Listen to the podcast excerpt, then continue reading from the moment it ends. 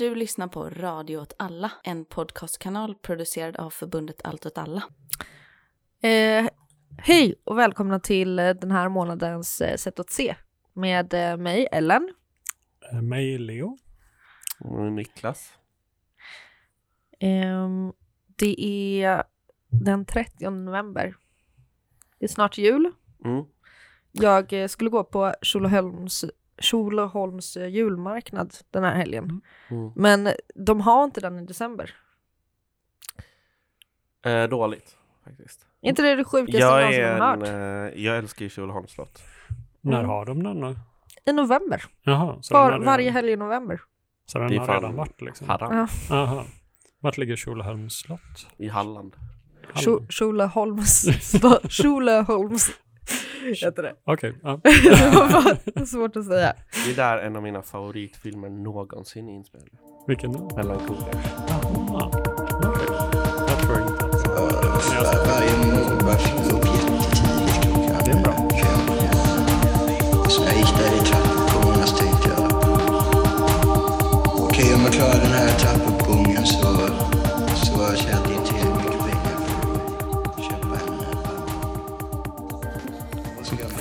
Eh, sen eh, förra månaden så har jag gjort min läxa. Mm. Jag laddade ju ner TikTok. Ja. Jag har scrollat. Och eh, jag måste erkänna mig besegrad. Det är en hel del guld. Du är såld? Jag är 100% såld. Till exempel har jag hittat den här videon. Jag älskar den här killen. Alla hans videos är, är som den här. Oj. Ljud. Så. Alla har samma musik. Ja, Han pratar alltid likadant och det ser alltid ut så här. Han har liksom greenscreenat in sitt eget ans alltså sin egen byst liksom. Mm. Och så visar, så pratar han om kändisar och det är bilder på kändisar i bakgrunden. Dwayne Johnson is normally a very friendly face, but he does get angry sometimes, and here's why he blasted IGN.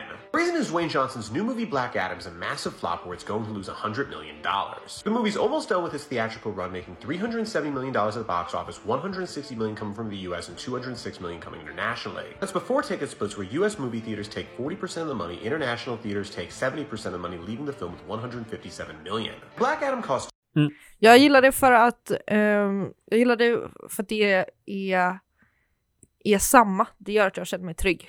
Mm. När det är eh, liksom likadant varje video. Jag gillar att han pratar likadant. Alltså att det, när han säger en mening så har han liksom ett tydligt mönster i sin i sina liksom ton upp och nedgångar. Just Och det är samma för varje mening. Mm. Jag gillar att det är samma, alltid samma, är samma musik i bakgrunden, som sån här konspiration, mystisk musik. Mm. Och eh, det gör att jag känner mig nostalgisk. att eh, jag känner, jag, det tar mig direkt tillbaka till när man gick i låg och mellanstadiet och skulle hålla en presentation för klassen. Mm. Att man var så här. Karl den tolfte. Karl den tolfte föddes den 12 januari 1700 bla bla bla. Han var Sveriges konung. Det är så du tänker dig att han är? Som Mm. någon som står på mellanstadiet och håller föreläsning eller föredrag? Ja. Också för att han ser ut så för att han tittar rakt fram liksom.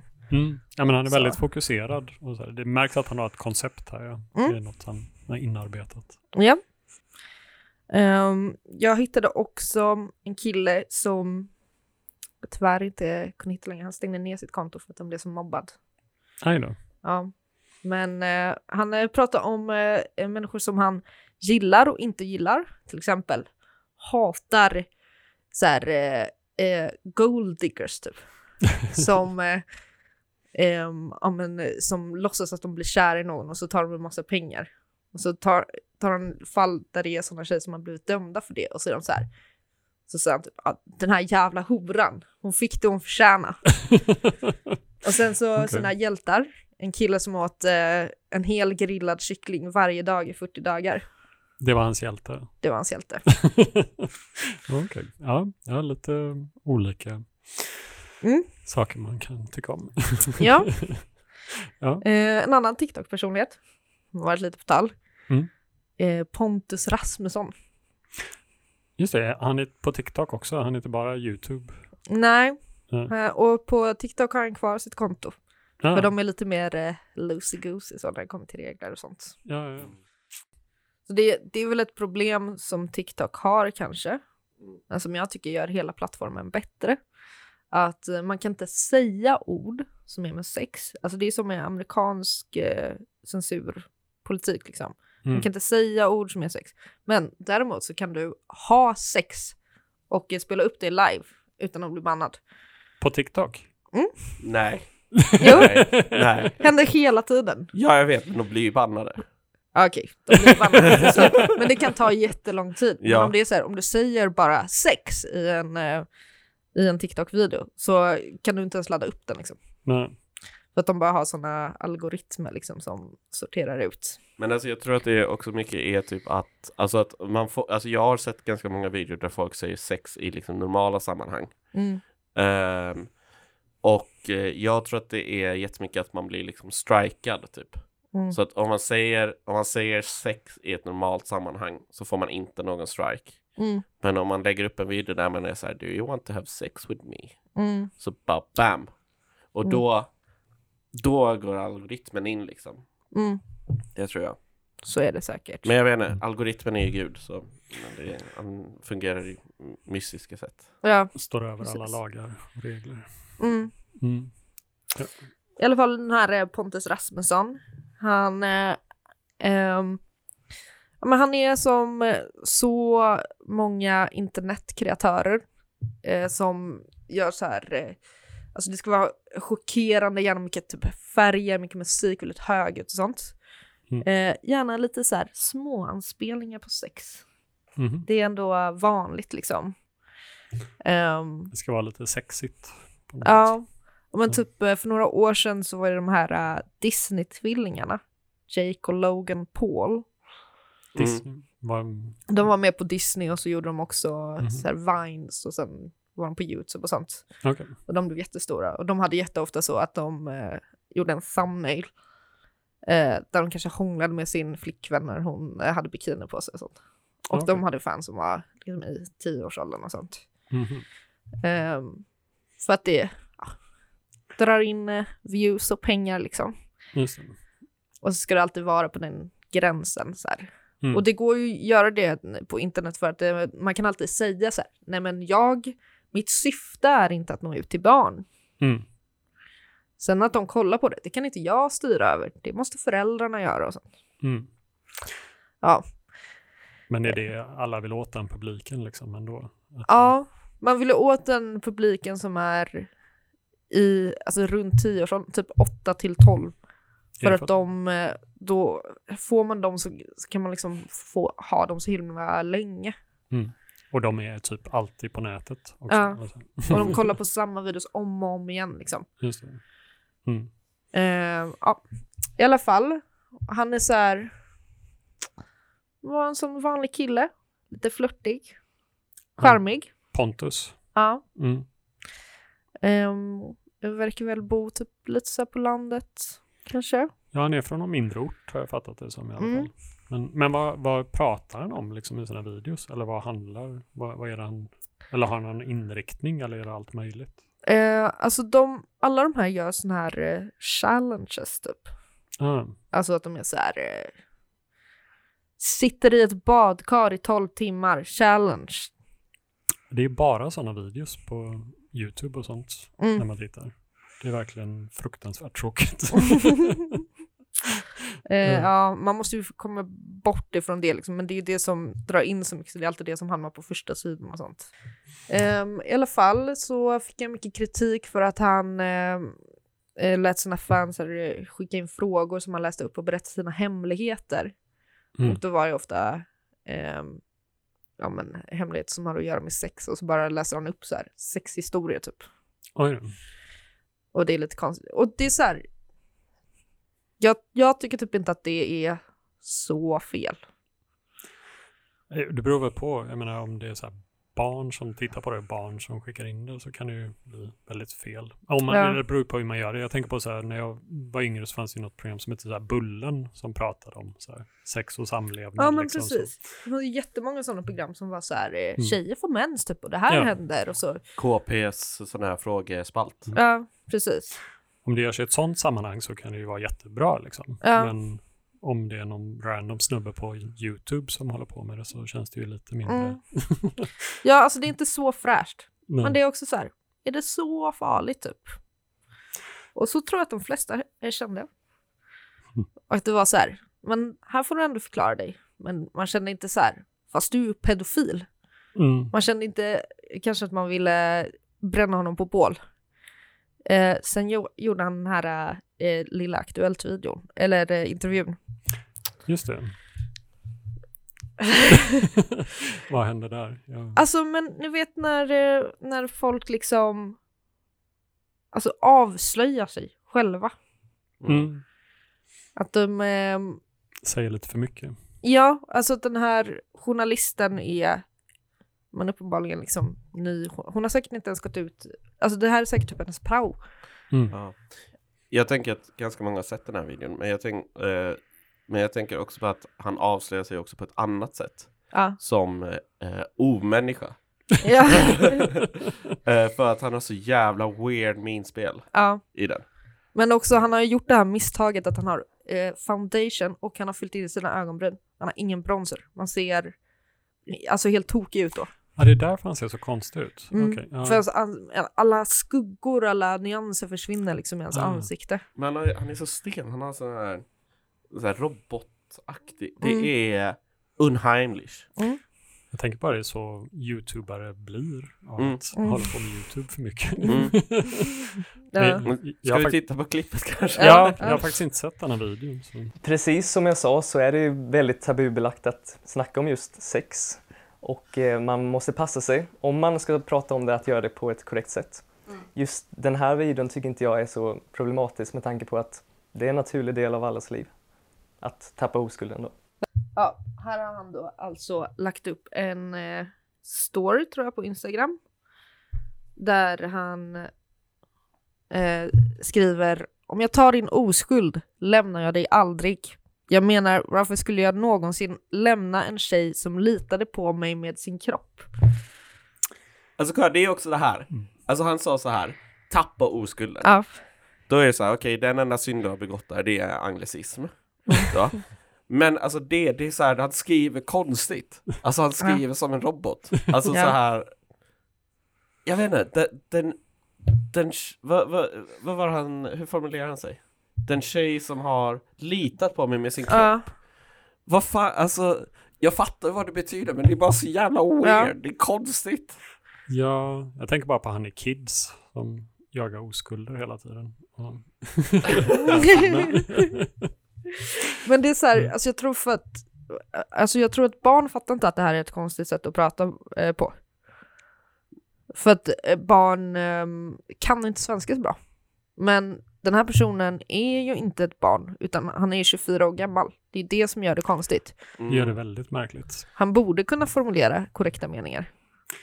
Ja, han påminner lite om Zuckerberg. Lite samma Ja, jo men en sån en paranoid android. Mm. ja, precis.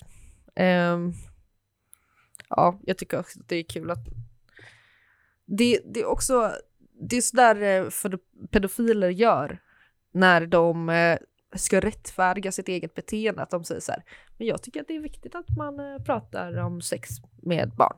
Mm. Ehm, och det är ju väldigt tabubelagt, men det tycker jag är fel. Ja, han låter ju väldigt mycket som en groomer, Mm. Mm. kan man ju tänka sig. Det blir värre. Ja, okej. Om- sex eh, i kanaler mot eh, där det är många barn.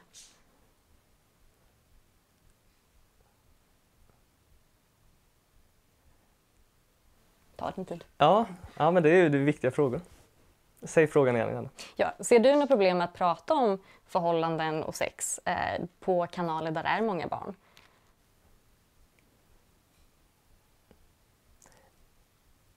Jag tycker att man växer upp väldigt snabbt nu för tiden Och då är det viktigt att man får en bild av vad det här är för något.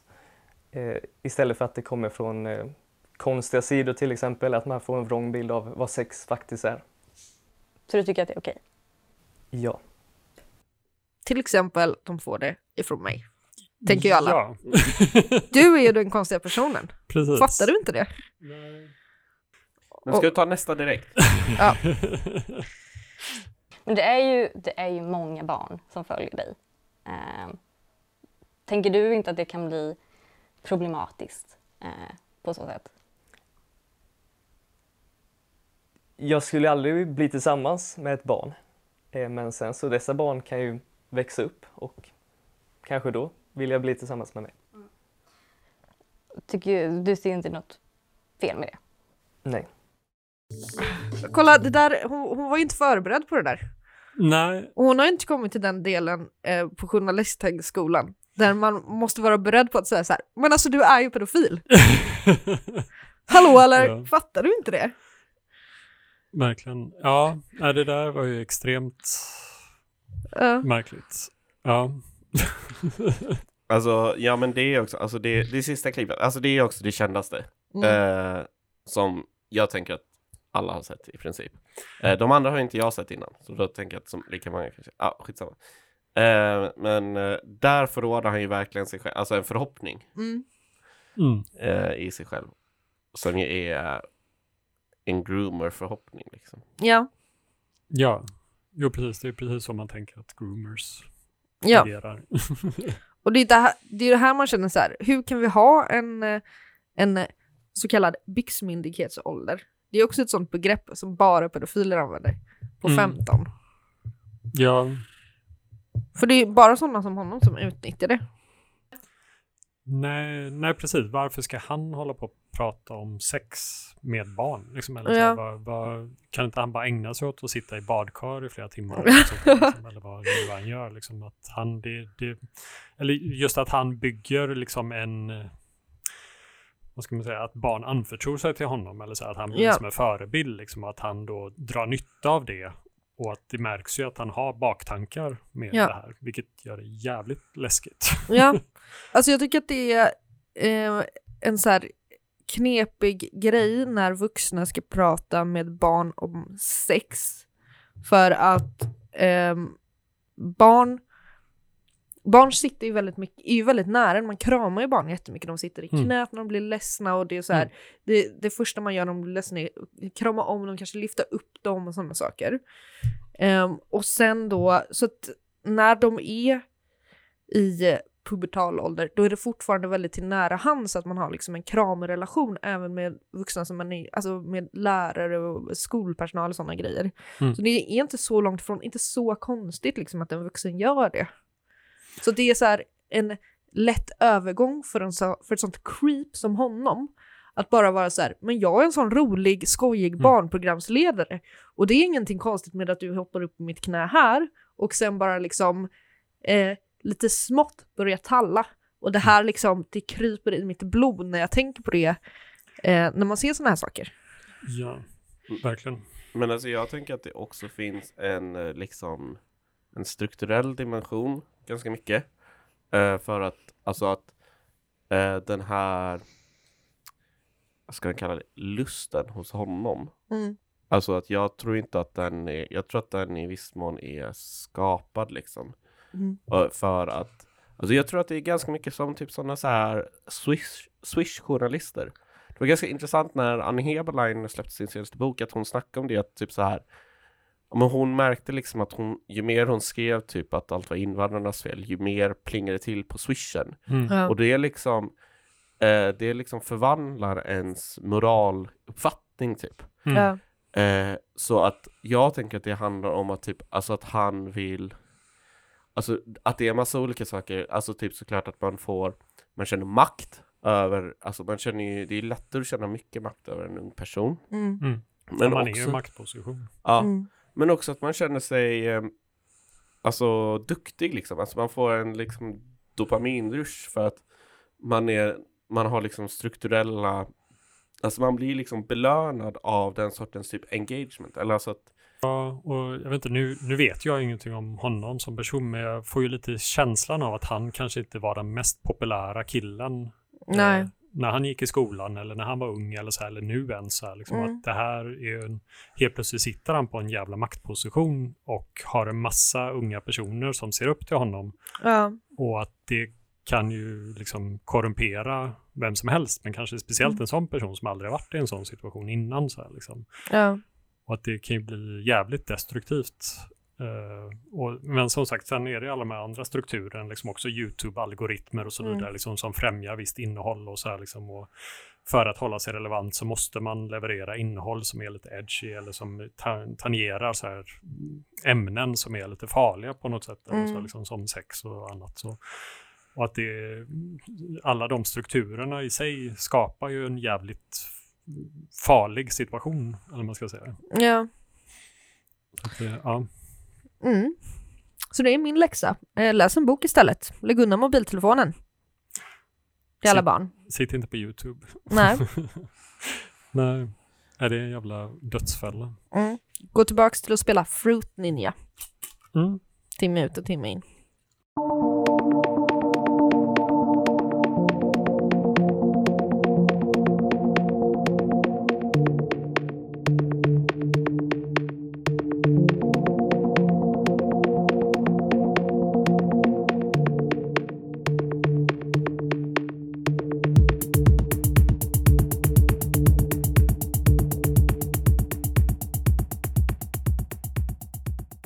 Men det var så här att i, i slutet av oktober så var jag i Stockholm och så hade jag lite tid över så drev jag runt på stan och drog till Kulturhuset där eh, och kollade på en utställning de hade. Två utställningar egentligen, eh, men jag ska bara prata om en. Eh, och då så mm, så var det en utställning som hette eh, Internet Feelings av en, en grupp eller två typ jag vill kalla dem eh, entreprenörer och 3D-modellerare. Ehm, som, ja men de gör, de gör så här 3D, så typ 3D-modeller med eh, väldigt mycket så här pastellfärger och sånt, och, men som också är lite typ så här, eh, ja men typ att det växer saker ur kroppen eller så att det är lite så typ lite horror, body horror-aktigt nästan liksom. Och typ, alltså jag tänkte det jag tänkte när jag typ såg mycket av det, det var att eh, två saker kanske framför allt. Dels så här, ja men det är väl fint, men är det konst? Typ. Eh, för det första. Och sen för det andra typ, ah, det känns lite gammalt. eh, för att Eh, för att och, och, och, eller jag tycker också det är typ symptomatiskt för när de hade den här introduktionsvideon så pratade de om när de typ slog igenom och då var det med att de fick göra typ en musikvideo åt Brooke Candy. Mm. Eh, som de få människor som vet vem det är, tror jag, känner henne som eh, en som dansade i eh, Grimes musikvideo till eh, Oblivion. Mm. Är det hon eh, med rosa hår? Ja, kanske? och Ja. typ, ja. Och, Och här är, det här är nästan tio år sedan. Och jag vet inte, jag kände lite så när jag såg på det. Att det var så här, det sa mig inte så mycket. Jag kände, ja jag kommer ihåg hur det var på att vara på internet för tio år sedan. Mm. Det var, det var, det var både bra och dåligt. Ehm, och, och då liksom började jag också typ tänka på det här med, typ det här med typ teknologi och konstvärlden. Att det känns som att jag har gått på så många typ så här konstutställningar och så, där det är typ någonting med så här, med tech typ. Mm. Och att det känns som att de bara, ah vad coolt. Alltså också ofta att det är liksom fast i eh, liksom en framtid som funnits och dött. Mm. Mm. Alltså typ, för att det är hela tiden ett, ett typ så här, ja, kolla vad coola grejer vi kan göra med teknologi typ. Mm. Och det här är ju liksom 90-talets, ehm, alltså typ cyber eh, liksom. Mm. Ehm, som var typ, alltså typ de som höll på med Second Life och sånt. Att man bara är så här, vi kan typ befria oss ifrån våra eh, fysiska kroppar med hjälp av teknologin och sånt. Eh, och att det typ känns som att ehm, att det är det finns ett väldigt stort problem med det här. Eller jag tror att grunden av det, det är att det finns en väldigt stor diskrepans mellan folk som jobbar med konst och folk som är så att säga extremt online. Mm. Ehm, så att det typ blir Alltså att man typ förlorar sin kritiska förmåga Som då Alltså gallerist eller så Mm. Eh, att, För att jag kände så här, varför ska jag, alltså varför ska det här ställas ut på Mm. För att det är typ så här, alltså jag jag, jag har sett jättemånga sådana här bilder liksom. Jag tycker inte det här är intressant. Det här väcker ingenting i mig. Oj, det kan växa saker ur min hud. Ja, vi har alla sett Cronenberg. Eller alltså så här. Mm. Det är gjort. Ja, Ja. och så bara, okej, det är pastell istället. Mm. Men det är också gammalt liksom.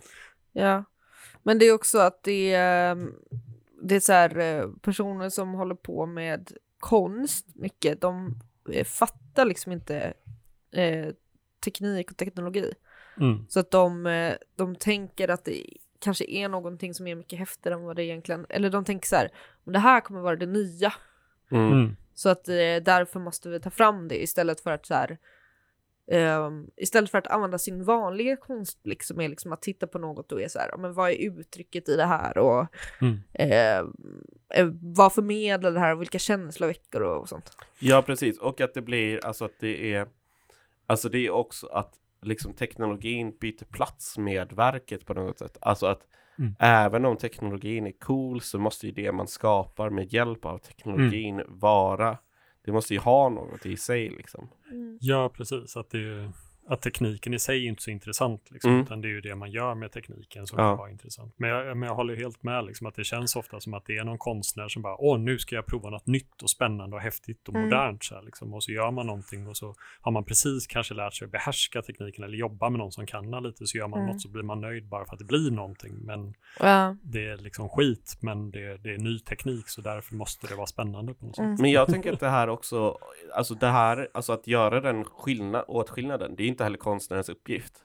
Utan det är ju, det är ju liksom kuratorer och gallerister och sånt som, och kritiker som måste vara så här, nej men det här säger ingenting liksom. Mm. Eh, för att, alltså jag tror att många, alltså det är väldigt, väldigt svårt som konstnär att vara så här, ah, det här säger, det här säger så mycket om samhället. Alltså, att- eller alltså man kan vara så, men det, man, det är jättesvårt att veta om man har rätt eller inte. Mm. Ehm, och det är jättesvårt att veta liksom när man skapar någonting om det kommer ha, eh, liksom, om det kommer leva kvar typ. Ja, Eh, men- men... också att eh, när man skapar någonting så är man ju så himla medveten om att eh, man bara gör det utifrån sina egna upplevelser. Mm. Man har ingen aning om eh, vad som kommer hända när andra ser det, för man själv kopplar det ju kanske ja, men jättemycket till sitt personliga liv. Mm. För att Mm. det är där man lever. Det är det man skapar utifrån. Ja, och alltså så här, det är väldigt svårt att typ metakommentera någonting samtidigt som man är i det. Att Mm. vara i och utanför något samtidigt. Mm. Ja, nej men, jag tänkte på det var ju en svensk konstnär som blev jättehypad för något år sedan som gjorde vignettfilmen till Göteborgs filmfestival i år.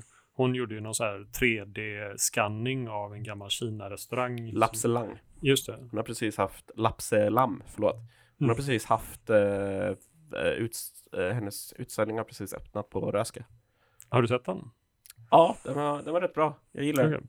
För det, det, jag fick lite, i alla fall på den här vignettfilmen, jag har inte sett hennes utställning och så här, men på vignettfilmen fick jag lite känslan att det var, det var säkert något häftig teknik hon använt för att göra den, och så här, men den sa mig absolut ingenting. Eller så här. Mm.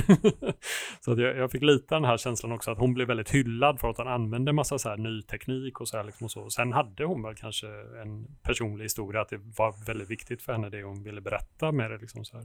Men jag fick lite den här hype-känslan Ja. av henne. på Jag fick också den eh, känslan också när jag såg det, men hon hade, det, alltså, det var speciellt en, alltså det var också ganska mycket så typ fokus på att hon har gjort de här drakfjällen typ Mm. i 3D, men att hon hade en jätte, jättefin mm, installation med, som var liksom ett, ett narrativ eller en, en narrativ eh, med video pro- projicerad på väggarna. Mm.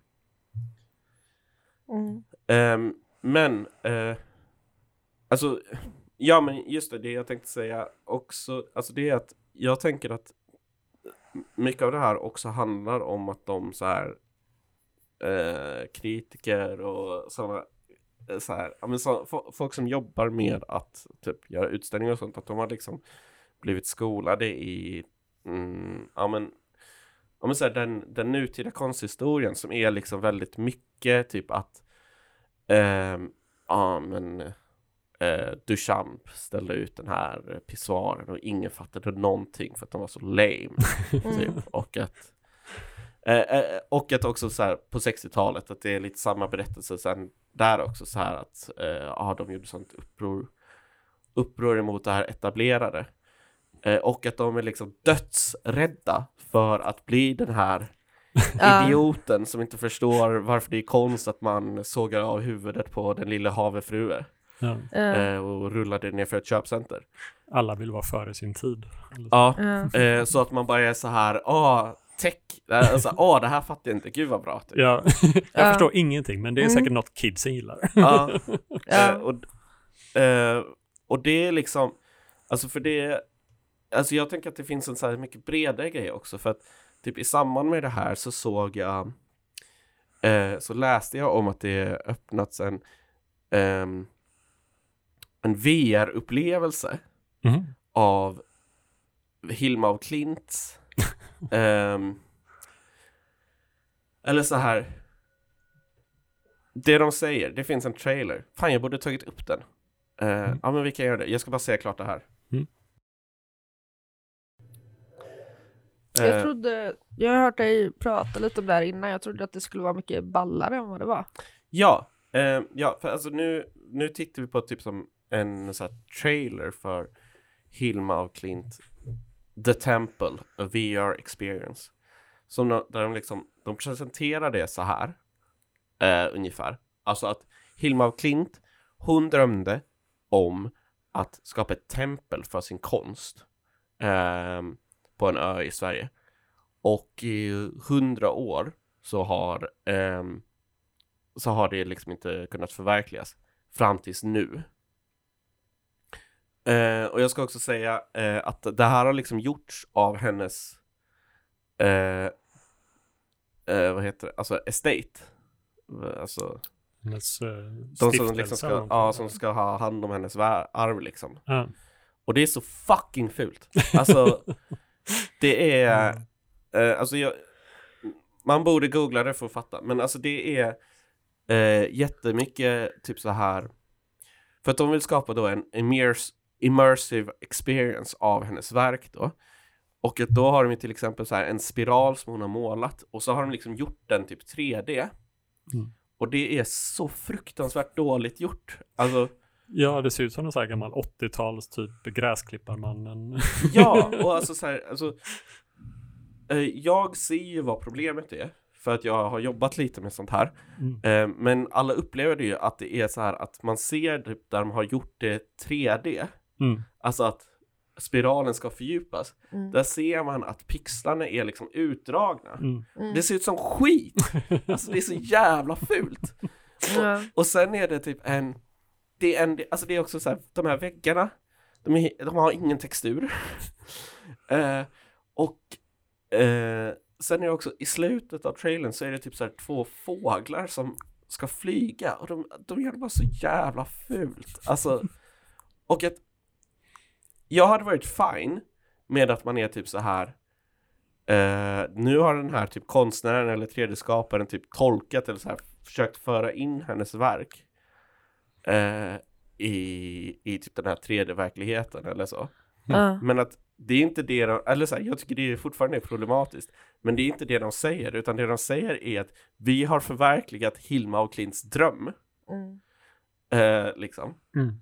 Och alltså en och li- liksom en jätte, jätteviktig del i liksom när man skapar konst, typ, eller när man lär sig skapa konst, det är ju de här begränsningarna, hur man ska relatera till dem. Mm. Och att det är någonting, alltså hur man löser de problemen, det är någonting som liksom definierar allas konstnärskap. Mm. Och att det är så konstigt att vara typ så här, ja men den här spiralen då. Då har ju hon försökt skapa en 3D-effekt på en 2D-yta. Mm. Eh, vilket såklart man tränar jättemycket på när man målar. Eftersom Mm. att 90% av alla människor målar i 3D liksom. Ja. På en 2D-yta då. Eh, men så har de bara sagt så här, ja du har misslyckats. Eller liksom, Ja. för vi kan ju inte veta hur hon hade hanterat det här. För hon är ju död. Ja. Så ni, då har ni inte förverkligat hennes dröm liksom. Nej, och, och alltså, jag tänker också att har man tillgång till det här, då, då hade man ju struntat i att lägga så mycket tid som man gör när man ska försöka måla någonting i 3D på liksom ett, ett platt papper som är det här, eh, alltså att se förbi det som vi tolkar in med ögat Mm. och bara se det platt liksom. Eh, då hade man ju bara hoppat över hela det steget, gått direkt till, till att göra någonting mycket fetare liksom. Mm. Mm. När man Alltså, om man ville det. Ja. Eh, ja, och alltså jag, jag vet inte, jag bara tänker typ så här, alltså att för att de har också gjort en, det här är kanske värsta, de har gjort en Hilma och Klint NFT. Mm. ja, det såg jag nyheter. Alltså NFTs, det, de har ju gått helt bananas. Ja, och det är bara så så här, jag vet inte, alltså det är så ovärdigt. Det, Mm. det. det är ovärdigt liksom. Ja, det är som att göra så här Hilma af Klint, eh, McDonalds Happy Meal. Ja, det är att man verifierar hennes, Ja. alltså det, alltså det är bara så, Ja, men alltså, det är ju och, kul. och liksom, det är inte heller den enda. Typ. Nej. Alltså att de gjorde också typ som med van Gogh. Mm. Jag, såg, jag såg faktiskt det på TikTok, någon som har varit där. Mm. På den, alltså att det finns någon så här van Gogh alive. Som också är och- VR-grej eller? Mm. Nej, alltså det är typ att de projicerar liksom, ja men typ den här stjärnnatt, Ah, Starry Night. Mm. Att de typ projicerar den på väggar då så här, och så att det är att saker rör sig lite. just det. Ja. Men det är också så här, alltså vadå, var, var, var hans verk döda innan? Ja. Mm. För då är ni, diss, ni inser att ni dissar hans konst. Det är för där- människor med väldigt dålig inlevelseförmåga. Ja. Ja. Jag, jag tror att det här är mitt största problem med att det är så här. Eh, Det som gör riktigt bra konst, det är ju när vi kan titta på ett verk och Mm. inte bara se det för vad det är, utan att, att det verk liksom tar sig in i oss och att vi Mm. gör någonting med det i huvudet liksom. Att vi är medskapare nästan. På Ja. något sätt. Och, Ja, men- och blir en egen tolkare av det Mm. och så. Ja men det är typ som att man, att man skulle typ skriva, skriva om Lolita Mm. och vara så här, nej men det, budskapet når inte fram tillräckligt bra. Så att varje gång, jag har inte läst Lolita, men varje gång typ Humpert Humpert raggar på uh, Dolores Hayes, att man är så här, och det var dåligt. alltså, för att det är typ så här, Göra en modern woke-tolkning. av- Ja. Ja, man men liksom man hör det- någon säga så här, ew. ja.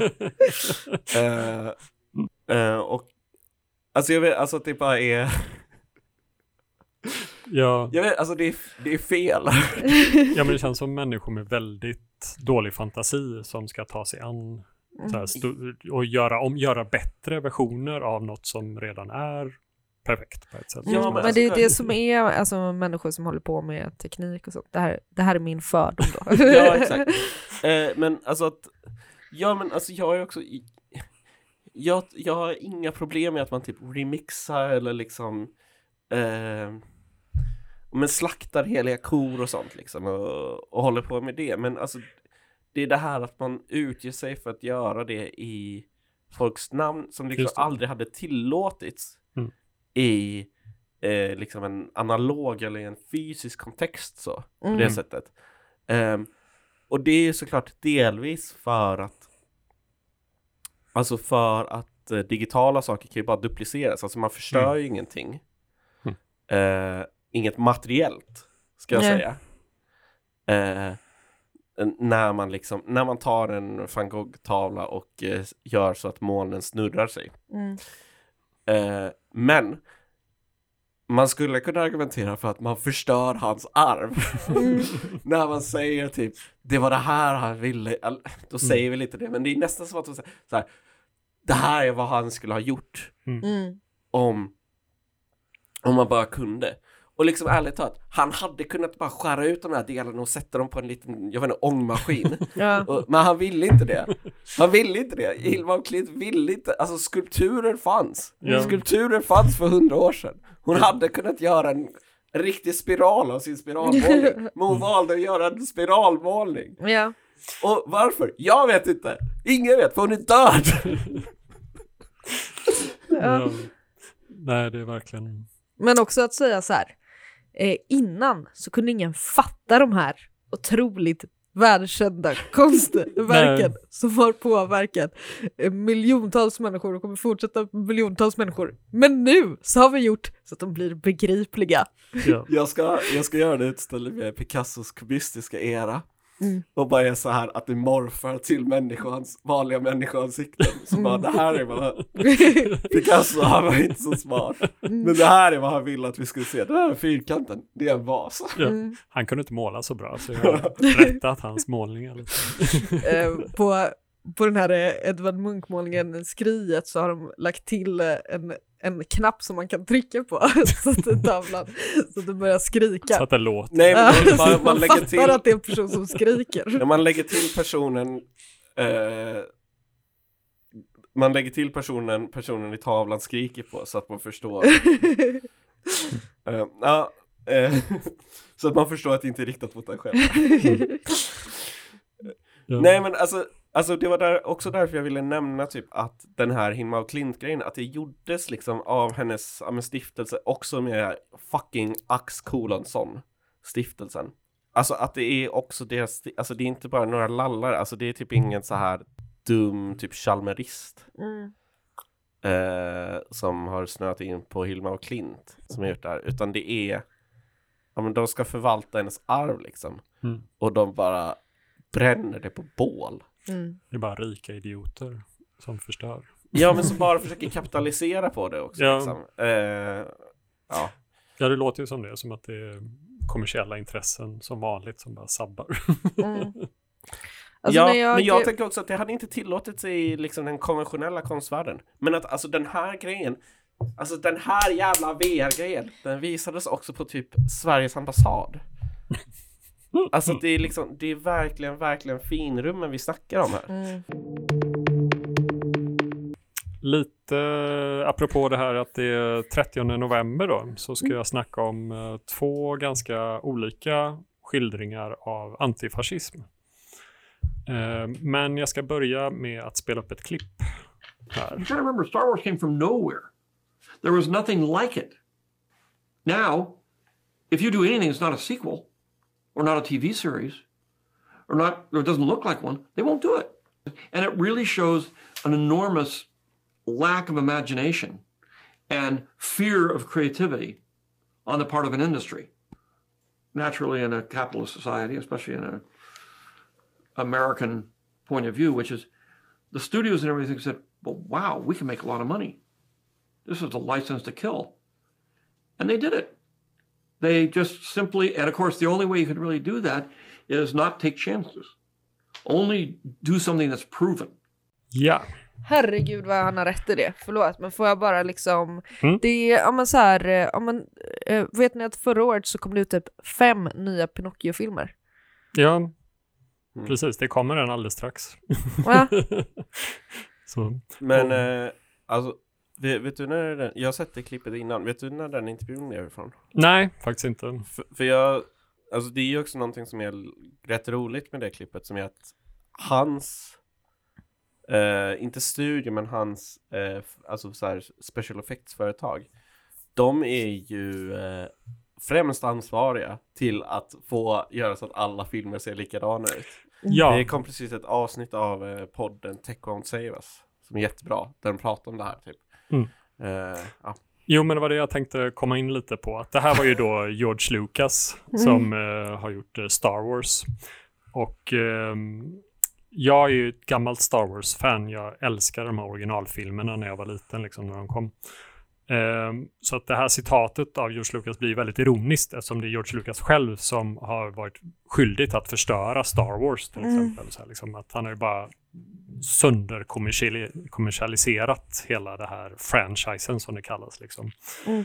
Eh, alla Star Wars-filmer efter originalfilmerna suger och serier och allt. Liksom, jag hatar verkligen Star Wars Mm. efter, efter vad George Lucas har gjort mot Star Wars. Jag gillar de nya Star Wars-filmerna som jag har sett. Okej, ja, jo men det... Alltså jag, de, de nya, alltså som Disney har gjort. Ja, jag, jag vet att det är folk som uppskattar det. Jag har försökt, jag har verkligen försökt, men jag, jag står inte ut. Men trots detta så har jag fastnat för den nyaste Star Wars-serien som går nu, som heter Andor. Ehm, och den eh, skildrar ju då, det är samma gamla vanliga historia. Det är imperiet som är det här intergalaktiska liksom, fasciststyret egentligen. Eh, och det handlar också om motståndet mot det här fasciststyret då, som är rebellerna. Eh, och det, det är flera olika berättelser i den här serien. Eh, alla berättelserna är inte jätteintressanta, men eh, Stellan Skarsgård är med och spelar en rebellledare, bland annat så. Han, han gör det rätt bra, okej. Den berättelsen som är mest intressant det är då eh, eh, huvudhjälten Caspian Andor, som serien är döpt efter, som spelas av Diego Luna. Eh, och han är någon slags antihjälte egentligen så här. Han är någon småfifflare, småkriminell som driver runt och så här. Och han har liksom bakgrund av att ha varit indragen i imperiets militär eller soldat. Där Mm. liksom så här, man har tagits ut därifrån. Och det handlar liksom om hans radikalisering får man följa liksom i den här serien. Eh, Coolt. Han, ja, så han dras väldigt motväldigt in i rebellrörelsen och sen lämnar han den lika snabbt igen. Så fort han har fått sina pengar så, här, liksom, så drar han därifrån och vill liksom inte ha med motståndsrörelsen att göra. Så här. Det här låter som eh, det låter som att det är en film som är liksom producerad av eh, så här eh, statens statens stöd mot eh, våldsbejakande extremism. Ja, man skulle kunna tro det, fast sen så blir det ju liksom att han ja, mot, mot sin egen vilja blir extremt radikal. Liksom. Mm. För att han hamnar i fängelse. Nu är det lite spoilers här, men eh, han hamnar i fängelse i alla fall efter att han har försökt bara liksom ta sina pengar och leva i lyxliv. Så, här. så blir, hamnar han ändå i fängelse och det här fängelset är jävligt brutalt. Liksom. Att det, för att vara en så här ganska kommersiell serie så är den väldigt, den skildrar fascism på ett väldigt realistiskt sätt. Liksom. Uh, och det som är lite roligt med det här fängelset är också att det skildras på ett sätt som går att dra paralleller till hur många arbetsplatser fungerar idag. Liksom så här, så här, typ Amazon, Ikea eller Apples fabriker i Kina. Att det är väldigt mycket baserat på så här, tidshets, tävlingar mellan de intagna, mellan arbetarna. Mm. Liksom, och de står och gör så här väldigt fysiskt krävande arbeten och producerar så här stora metall, eh, liksom, mekaniska saker. Eh, och det är väldigt mycket bestraffningar. Liksom. Och sättet de bestraffar folk på det fängelset är att alla är barfota och golvet är helt i metall. Så att när de vill straffa någon så slår man på starkström i golvet. är, Så. det, är det snyggt gjort liksom? Är det eh, estetiskt tilltalande? Väldigt estetiskt måste jag säga, för att den, den knyter väldigt mycket an till de gamla originalfilmerna i att allt ser lite framtid ut som framtiden såg ut på 70-talet. Liksom Ja. sci-fi, 70-tals... Retrofuturism. Ja, Mm. precis. Att allt är lite så här, det är sådana färger och lite så här liksom och så. Och sen eh, imperiet är liksom extremt nazistiska liksom i sin Ja. look, så här, liksom väldigt strikta och de är så här, ja. Så att jag, ja, eh, och skådespeleri och allt är verkligen, ja, jag kan rekommendera. Ehm, och det, det, ja, det är intressant just det här att det, fascismen skildras på många sätt som ett modernt företag, liksom, som en väldigt våldsam byråkrati. Eh, och känns som att det, eller påminner väldigt mycket om Black Mirror liksom, i sina bästa stunder, eh, den här Mm. serien. på något sätt. Så. Ehm, jag ska, skulle visa ett till klipp av eh, George Lucas här då. You did something very interesting with Star Wars, if you think about it. The good guys are the rebels. They're using asymmetric warfare against a highly organized empire. I think we call those guys terrorists today. When I did it, they were Viet Cong. Exactly. So were you thinking of that at the time? Yes. So it was a very anti-authoritarian, very kind of 60s against the man kind of thing, nested Or- deep inside of, or- of a fantasy. or a colonial, you know, we're fighting the largest empire in the world. right. The irony of that one is in in both of those, the little the little guys won, Right. and the big, highly technical em- The- empire, The, English Empire. Right? English British empire, the American empire, Yeah. lost. Yeah. That was the whole point. Weird att intervjuaren sa the English Empire. Man Ja. bara... Engelsmännen var aldrig i Vietnam. Nej, det var ju fransmännen och amerikanerna har ju varit där och härjat. Men, eh, men ja, men eh, Lucas påpekar ju att det var USA som var en av förebilderna till imperiet i Star Wars. Ja. Så, och Viet Cong då som var förebilderna för rebellrörelsen. Mm. Och nu skulle imperiet kanske kunna vara NATO eller Ryssland eller Kina. Eh, och eh, rebellerna skulle ju kanske kunna vara då Vi är allt åt alla. Ja, eller YPG, YPI, PKK, kanske så här som eh, i, då är direktdemokratiskt självstyre i nordöstra Syrien som attackeras av NATO-medlemmen Turkiet, nu med hjälp av Sverige dessutom. Eh, men eh, imperiet är väl olika sidor av kapitalismen på något sätt eh, som konkurrerar om herraväldet. Eh, så ja, bara lite eh, mer kopplingar till Star Wars. Men nu ska jag prata om en annan eh, skildring av antifascism som är eh, den här boken Solidärer av Anna Jörgensdotter. Känner ni till? Ja. Ja. Ingen aning. Har du läst den? Eller? Eh, Niklas? Eh, nej, Nej. förlåt. Men eh, jag kan, den här boken kan jag också väldigt varmt rekommendera. Jag tycker det är en fantastisk bok, väldigt vackert, drömskt och väldigt brutalt språk. Och den är väldigt spännande att läsa, man blir väldigt indragen i den. Den utspelas då på 30-talet, börjar väl 36 någon gång när eh, fascisterna i Spanien eh, håller på att ta över, starta krig eh, med Franco som ledare. Och i den här boken får man då följa Ingmar som är en syndikalist i Gävle som ger sig iväg för att eh, ansluta sig till eh, motståndsrörelsen i Spanien för att kriga mot fascisterna.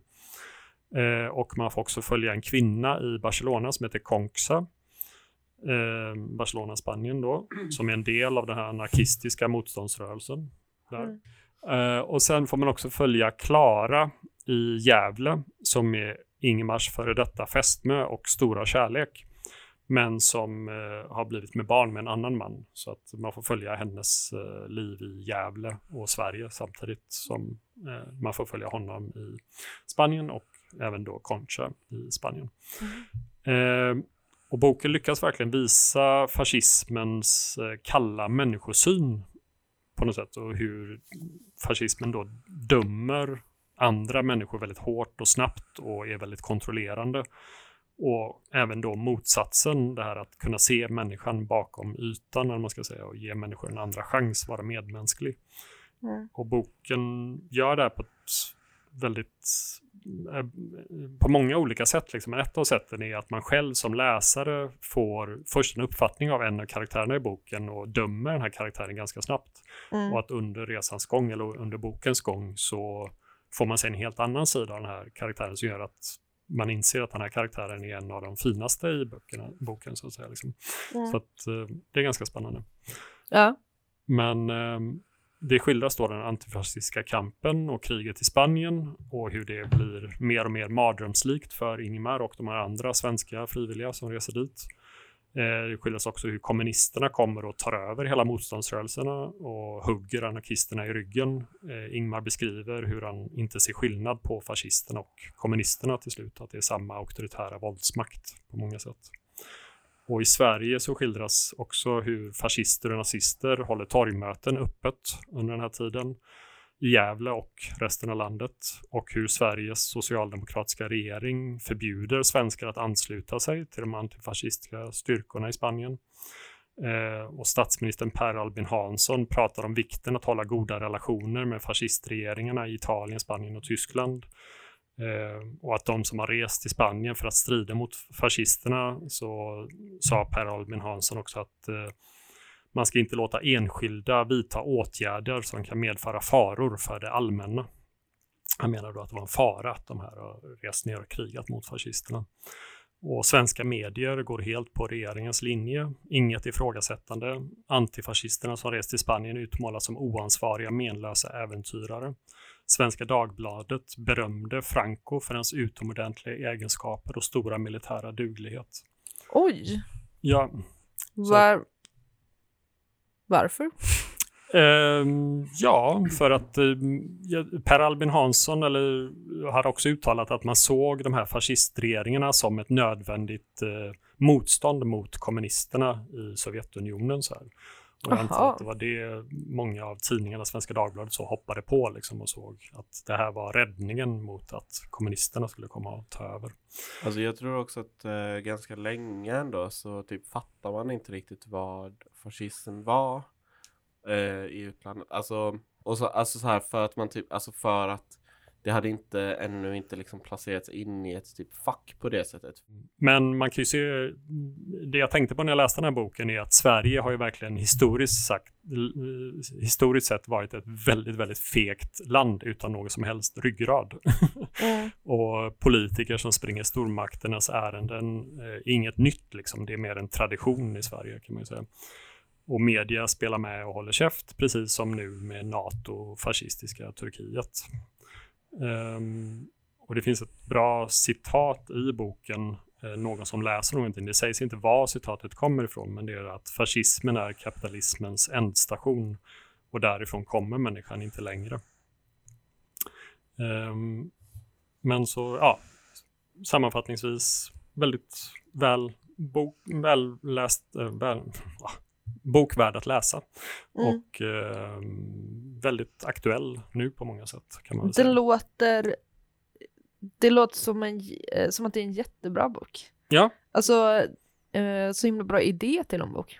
Ja, verkligen. Eh, det, jag blev förvånad över hur bra den var. Mm. kan jag, säga. jag tänkte den kanske skulle vara en så här lite torr historieskildring, så, liksom, men den är väldigt, ja, men, som sagt, levande språk. Liksom, att, ja.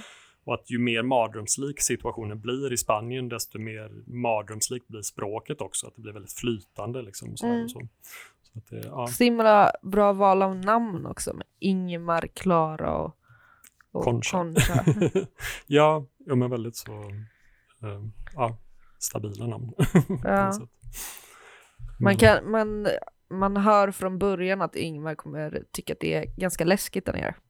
Ja, precis. Jo, men det är, det är mycket det här att han går ju väldigt mycket emot sin instinkt att åka dit på något sätt. Liksom. Att Mm. han, man får mycket hans kval det här, liksom att, ja, att viljan att göra någonting och rädslan samtidigt för att faktiskt göra det. Liksom, så. Mm. Ehm, Men ehm, jag tänkte lite på det vi pratade om innan här också, som jag skulle vilja spela upp ett sista klipp här. Eh, Och det är lite det här med just hur eh, konst och kreativitet kopplat till kapitalismen, liksom, som lite George Lucas pratade om i sitt första eh, klipp också. Men det finns ju någon bild av, någon liberal bild i alla fall, att kapitalismen främjar yttrandefrihet och kreativitet, när det i själva verket är precis tvärtom ofta. Mm. Eh, Vi kan ju kolla på det här klippet också. And I used to say this all the time when people, uh, you know, back when uh, Russia was the, the Union of Soviet Socialist Republics. And they'd say, Oh, but aren't you so glad that you're in America? I said, Well, I know a lot of Russian filmmakers. They have a lot more freedom than I have. All they have to do is be careful about criticizing the government. Otherwise, they can do anything And they so, want. what do you have to do? you have to adhere to a very narrow line of commercialism. In the system we've created for ourselves, in terms of it's a, a big industry, you cannot lose money. You're forced to make a particular kind of movie. Ehm, ja, lite där att kapitalismen styr vad som sägs, vilka berättelser som berättas, att det är ett väldigt auktoritärt system på det sättet, liksom, eh, som arbetar i, med tyst tvång kan man väl kalla det. Så, som, om man vill veta mer om det så finns det ett Komintern-avsnitt som släpptes nyligen som, där man intervjuar en, eh, om en dansk bok eh, som har kommit ut som heter just Tyst tvång. Mm. Men apropå det här så såg jag en nyhet idag på Kulturnyheterna om eh, en hyllad journalist i Tyskland eh, som eh, blev väldigt prisad och så här. Och ja, han hette Klaas Relatius och sen jobbade på Der Spiegel som är en väldigt stor tysk tidning. Problemet var bara att eh, han hittade på alla sina reportage. Oj! Han förstod vad som sålde, vilka nyheter som fick klick och hittade på historier efter det. och nu har det satts upp en teater om honom då på Uppsala stadsteater. Mm. Jag tänkte det här var en ganska mm, talande just för det här hur kapitalismen påverkar eh, inte bara konsten utan även då journalistiken, liksom, men på här, skapandet, att allt eh, rättar sig efter vad som är mest kommersiellt gångbart. Ja, men också att det är så, för att jag tror att många typ, eh, nyliberaler och så argumenterar som att eh, ja, men det är därför vi har så mycket bra konst, för att det är bara den, eh, eh, det är bara den konsten som många gillar som överlever Mm. och som man kan betala för. Men eh, jättemycket är ju liksom att det är bara något, alltså, ja, men, eh, som vi pratade om tidigare, att det är ett vitt brus man kan eh, sätta på i bakgrunden. Ja, och, och alltså, då kan det vara skitdåligt liksom. Jag tänker att eh, det man kan ha sett i den nyliberala eran är ju att konsten har blivit sämre. Tycker jag. Alltså, Ja. Ja, men som sades här i klippet att det blir mer och mer av samma. Man får Mm. det som har sålt bra görs en gång till. Vi får samma spya uppvärmd om och om Mm. igen och tvingas äta den liksom på något Mm. sätt. Och det blir någonting som till slut bara antingen bara i bakgrunden som vitt brus Mm. eller någonting som hela tiden pockar på vår uppmärksamhet. Det är väl sex, våld, Mm. eh, droger, Mm. liksom någonting som bara ska väcka så mycket endorfiner hos oss som möjligt. Mm.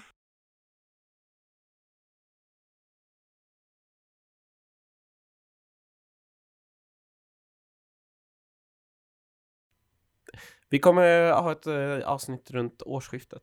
Mm. Sia om framtiden. Ja, Och ses vi eh, vi ska också ha en lite tio topplista över året. Har Mm. vi pratat om. Ja, vi får se. Någon sorts topplista. Jag kommer ha det i alla fall. Ja.